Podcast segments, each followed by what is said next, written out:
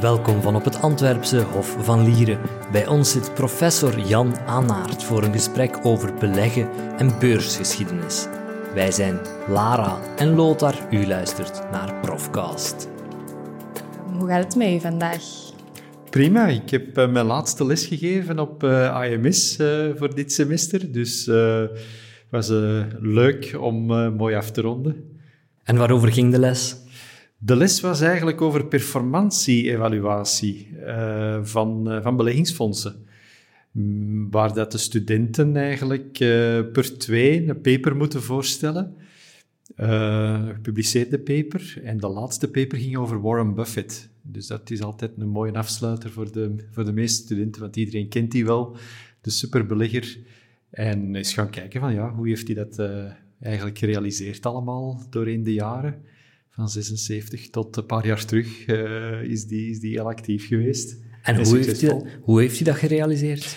Wel, een combinatie van een heleboel factoren eigenlijk. Uh, een eerste element is, is selectie van aandelen die één, veilig zijn, twee, kwaliteitsvolle bedrijven zijn en drie, uh, wat wij noemen value-aandelen zijn, aandelen waar je eigenlijk veel onderliggende waarde krijgt voor, uh, voor weinig geld.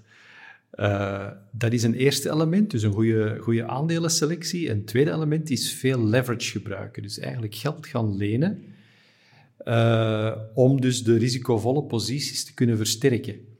En het, de truc van, van Warren Buffett is, is dat hij eigenlijk ook, of zijn fonds, hè, want het is, het is eigenlijk Berkshire Hathaway, heeft ook heel wat deelnames in, in verzekeringsmaatschappijen. Verzekeringsmaatschappijen die krijgen geld van, van de cliënten en later moeten ze misschien wel eens iets uitbetalen als er mensen overlijden of als met pensioen gaan. Maar ondertussen hebben ze dat geld wel. Dus eigenlijk ontlenen ze aan een vrij lage rentevoet. En, en uh, als je dat gaat uitrekenen, dan, uh, dan is de kost voor, voor het bedrijf, voor Warren Buffett, 3% lager dan wat de Amerikaanse schatkist zelf kan, kan ontlenen. Dus die heeft een ontzettend hoge hefboom dat hij kan zetten op zijn, op zijn beleggingen. Dat zijn zo de belangrijkste factoren die meegespeeld hebben bij zijn, bij zijn keuze en zijn succes uiteindelijk van, van de portefeuille. Ex-post is natuurlijk allemaal te verklaren. Uh, je kan natuurlijk niet, niet ontkennen dat hij dat uh, al, al in de jaren 50 allemaal ontdekt heeft hè, en uh, allemaal in, in, in, gang gestoken heeft. Dus wat dat betreft denk ik dat we daar toch wel met een vrij uitzonderlijke figuur te maken hebben.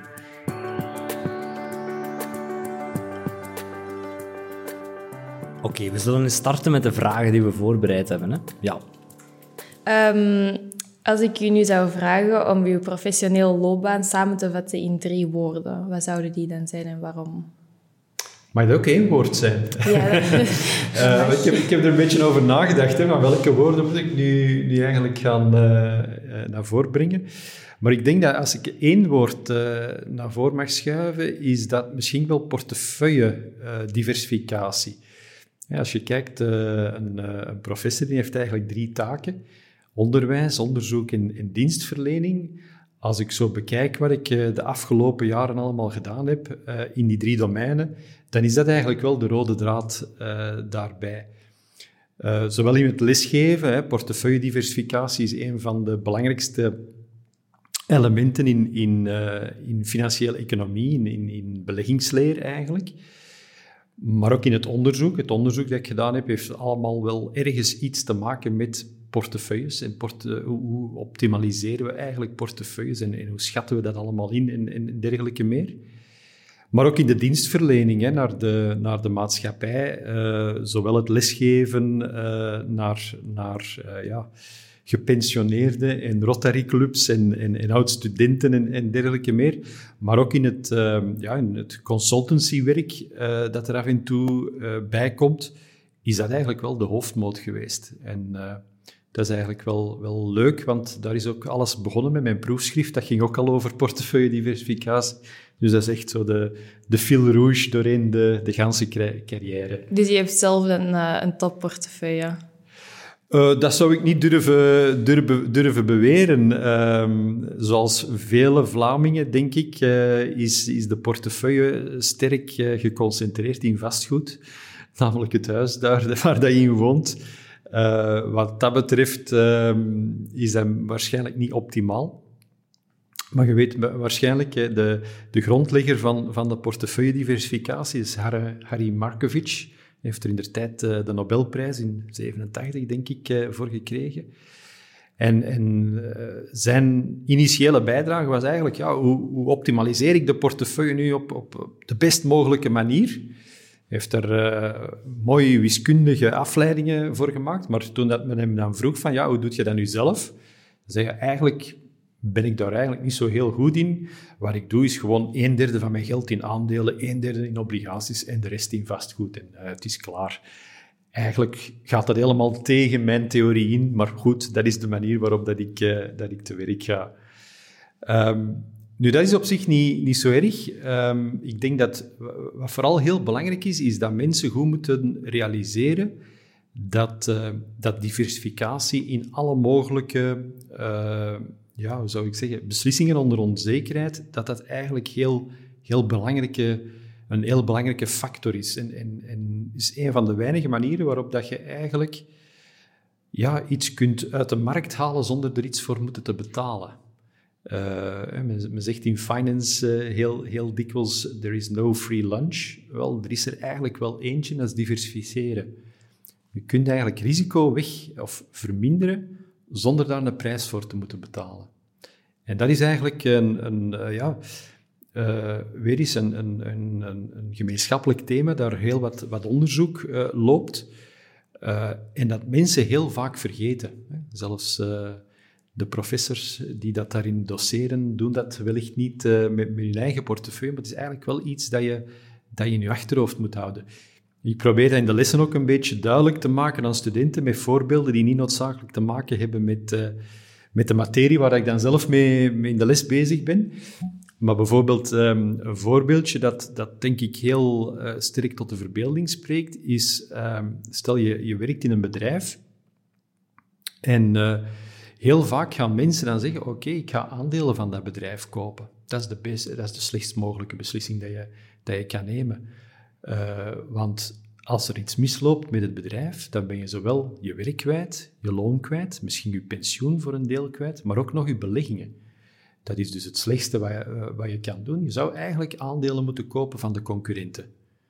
Want als het goed gaat met je bedrijf, dan gaat je een mooi, mooi loon hebben, mooie carrièreperspectieven, je beleggingen gaan het wat minder doen. Maar omgekeerd, als het slecht gaat, dan heb je daar toch een, een, uh, ja, een kussen, een, een, opvangnet uh, via je beleggingen. Dus uh, dat is iets dat je zeker nooit mag doen, uh, tenzij dat je me daar een premie voor geeft. Hè? Dus als je zegt van, een bedrijf zegt van, nou, koop alsjeblieft mijn aandelen als personeelslid, en weet je wat, ik ga je een korting geven van 20%. Dan wordt het vooral weer anders. Maar tegen dezelfde prijs aandelen van je eigen bedrijf kopen, nooit een goed idee. Nochtans doen veel mensen dat. We vroegen professor Jan Annaert welke gevolgen de oorlog in Oekraïne zal hebben op de financiële markten. Dat is, dat is echt uh, koffiedik, uh, koffiedik kijken. Uh, dat is zo'n unieke situatie. Je kunt daar heel moeilijk uh, lijnen in, in gaan trekken. het enige wat je kunt zeggen zijn eigenlijk, ja, platitudes, hè, ja, dat er veel risico zal zijn. Maar ja, dat, dat weet iedereen. Daar moet je niet veel voor, voor gestudeerd hebben, denk ik, eh, om, om, om dat te kunnen zeggen. Dat er opportuniteiten zich zullen voordoen, dat er, dat er ook veel verliezen zullen, zullen zijn. Maar eigenlijk is dat, is dat heel moeilijk uh, ja, uh, te onderzoeken. Wat enigszins zou kunnen, kunnen helpen, is, is dat je gaat op zoek gaan naar periodes die gelijkaardig waren. En dan ga kijken in welke mate dat beurzen op die ja, gebeurtenissen gereageerd hebben. Dat is iets dat we, dat we kunnen doen. Dat is iets dat we ook gedaan hebben in, in het verleden, op, op, de, op de beurs van Brussel dan, dan weer. Uh, bijvoorbeeld in, in, in Brussel, toen dat de Tweede Wereldoorlog uh, uitbrak, eigenlijk waren de beste beursjaren in België waren te situeren in de jaren 40. Hè. Begin, begin van de oorlog, 40, 41, waren fantastisch goede goede beursjaren.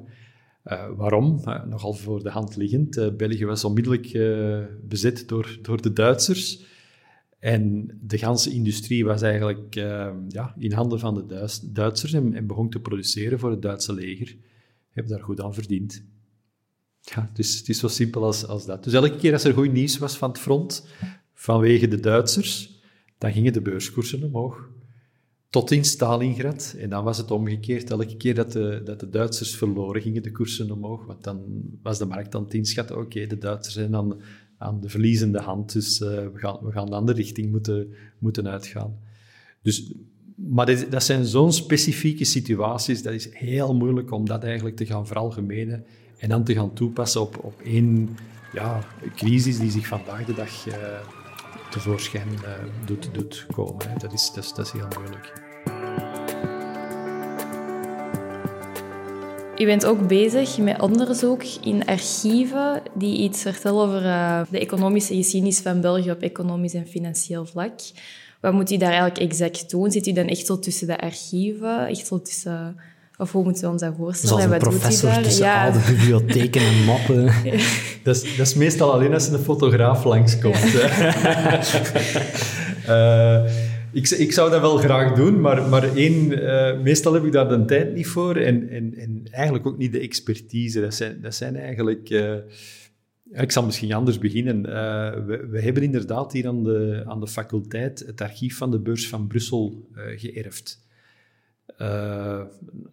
Lange tijd geleden is, is dat archief bij ons uh, terechtgekomen, omdat men dat eigenlijk gewoon met oud papier buiten wou, wou zetten.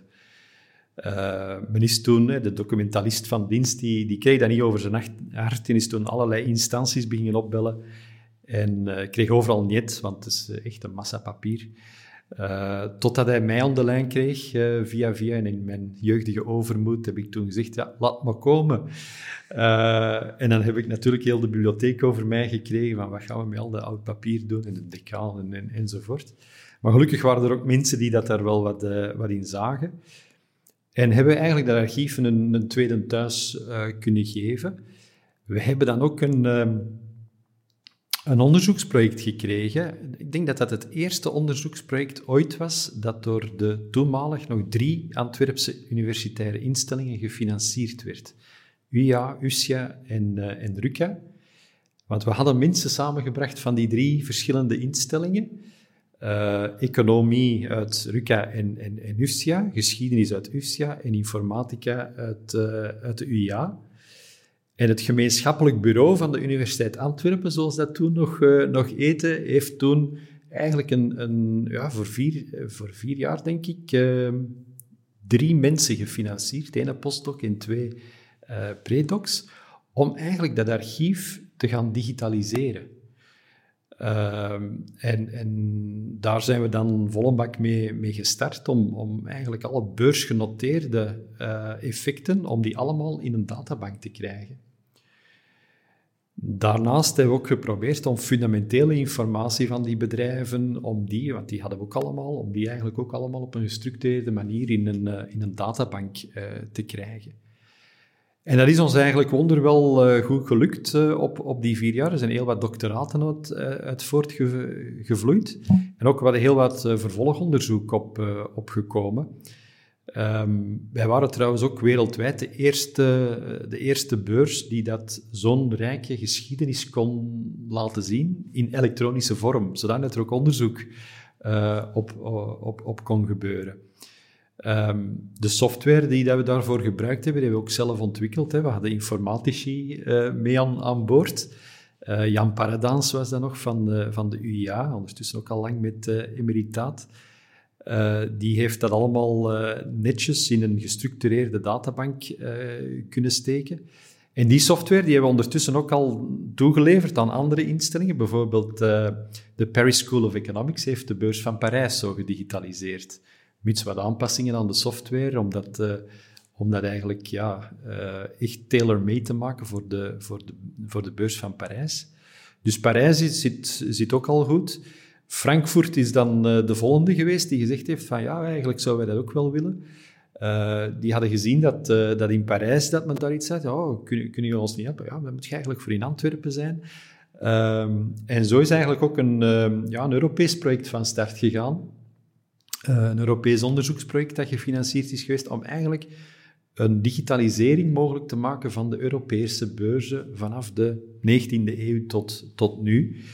Uh, en daar, dat zou dan nog een stap verder gaan, want we hebben daar ook technologie gaan ontwerpen die bijvoorbeeld um, historische documenten quasi automatisch kan inlezen, maar niet enkel pdf'en, en, en, maar ook gaan interpreteren. Oké, we hebben hier nu teksten.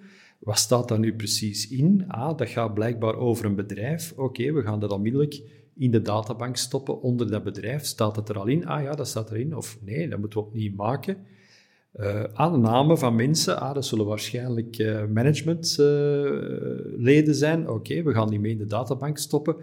Boekhoudkundige gegevens, we gaan dat herkennen en in de, in, in, de, in de databank zetten. Zolang dat we eigenlijk ja, um, het archiveren en het digitaliseren van, van heel dat archief ja, op een ja, ik wou bijna zeggen automatische manier, maar helaas vergt het nog wel wat, manueel werk ook. Maar dat we het eigenlijk toch vrij, vrij efficiënt uh, kunnen doen. Dus we hopen nu dat we een vervolgfinanciering krijgen, zolang dat we dat ook echt in, in praktijk kunnen brengen en, en mensen in, uh, in Frankfurt, in Madrid, uh, Italië enzovoort, dat we die ook verder kunnen helpen. Amsterdam is op momenteel bezig met onze software om dat ook netjes te gaan, te gaan digitaliseren. Dus we, we geraken wel, wel, wel ergens. En voor wat voor, wat voor zaken heb je dan het nodig dat het digitaal is? Het is leuk om het te hebben, maar jullie zoeken daar ook dingen in op nog? Of? Ja, vast en zeker. Um, uh, ik denk, ik denk um, misschien moet ik een stapje terug doen. Dus al, het, al het onderzoek, al het empirisch onderzoek in, uh, in financiering wat betreft aandelenmarkten uh, zeker en vast, dat is eigenlijk voor 90% uh, gebaseerd op Amerikaanse data. Uh, en toen ik student was, was dat 100%. Ay, misschien 99,9% Amerikaanse data. Waarom? Omdat zij data hadden. Zij hadden in de jaren 60 hadden zij ook geld gekregen van een paar banken. de Universiteit van Chicago was dat dan van een paar banken geld gekregen om uh, beursgeschiedenis te gaan digitaliseren. En ze hebben dat toen gedaan vanaf 1926. 26, omdat ze toch een paar jaar voor de crash van 29 uh, eh, data wilden hebben. En dan uh, ja, tot, tot, de, tot de dag van vandaag uit, uiteindelijk. En zoals dat, dat typisch gaat dan, als, als onderzoekers iets willen onderzoeken, hebben ze data nodig. En dan gaan ze kijken, ja, welke data is er beschikbaar? Ah, Chicago, daar hebben we data, dus we gaan daar, we gaan daar onderzoek op doen. En men kwam tot allerlei resultaten, hè, verschillende onderzoeksvragen rond uh, ja, het gedrag van, van aandelenprijzen, rendementen, uh, hoe dat risico vergoed wordt en, dergelijke meer. Maar we beseften op dat moment eigenlijk niet, we zijn hier eigenlijk onderzoek aan het doen op de meest succesvolle beurs van heel de wereld. Maar in 1926 was het zeker niet niet duidelijk dat Amerika dat dat er zo goed voor stond. Uh, bedoel daarmee, niemand wist dat uh, de 20e eeuw een eeuw ging worden voor Amerika, voor de Verenigde Staten, zonder oorlog op eigen uh, gebied, grondgebied, zonder ehm, revoluties en dergelijke meer. Dus ex post gezien zit je daar met data te werken dat eigenlijk een goed nieuwsshow geeft, gemiddeld gezien dan. Met als gevolg dat, dat die conclusies, dat die misschien wel juist zijn voor de Verenigde Staten in, in de 20e eeuw, maar het probleem was dat iedereen dat ging extrapoleren naar andere eh, periodes, naar andere landen, terwijl het helemaal niet, niet vaststaat dat dat uh, ook, ook kan. En eigenlijk krijgen we meer en meer informatie dat dat niet kan. Bijvoorbeeld begin van de 20e eeuw ja, gaat Rusland bijvoorbeeld. Rusland was een prachtige, prachtige investeringsmogelijkheid. Hè. Was, the sky was the limit. Het was uh, groot land, vele mogelijkheden om te industrialiseren, grondstoffen allerhande en dergelijke meer. Dat is een success story, ja, tot in 1917, want dan werd alles genationaliseerd. Waarom hebben we geen data voor, voor Rusland? Ah ja, omdat er geen beurs meer was.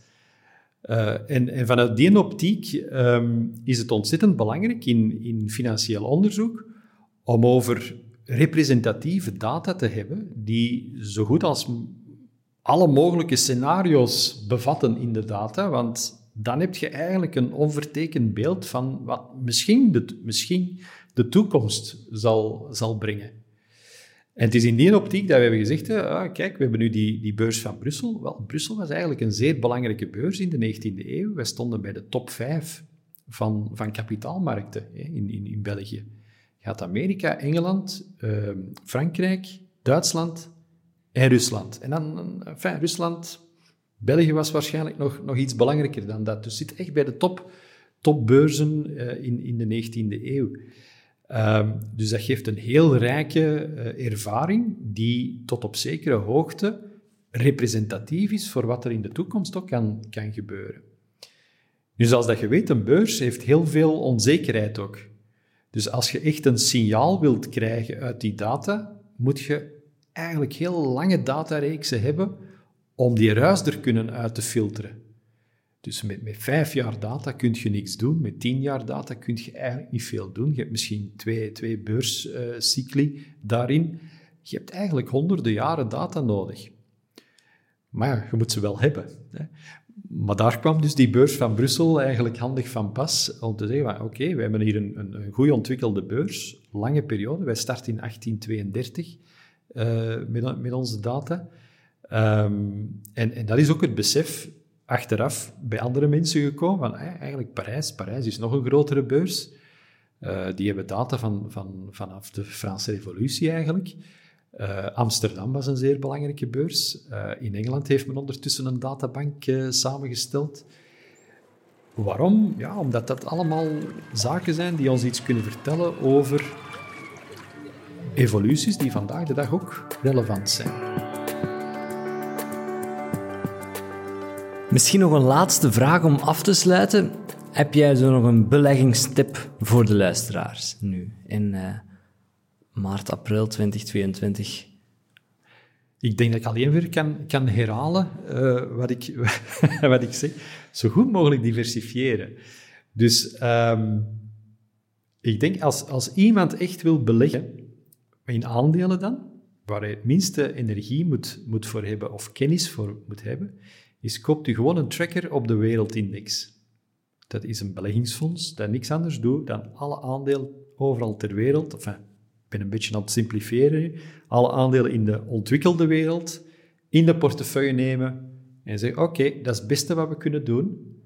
We gaan niet proberen te, te achterhalen welk aandeel nu goedkoop of duur is. We kopen ze gewoon allemaal. En dat historisch gezien geeft u de beste uh, beleggingen op lange termijn dan om het even welke actieve strategie. Uh, straks nog in mijn laatste les hebben we daar uh, uitvoerig over, over gediscussieerd. Als je gaat kijken naar, naar performantie van actief belegde fondsen, drie kwart tot 80 procent van de actief belegde fondsen slaagt er niet in om beter te doen dan die gemiddelde portefeuille die alles in portefeuille, alle aandelen in portefeuille neemt. Na kosten, hè. Dus dat is, dat is 70, eh, 80 procent.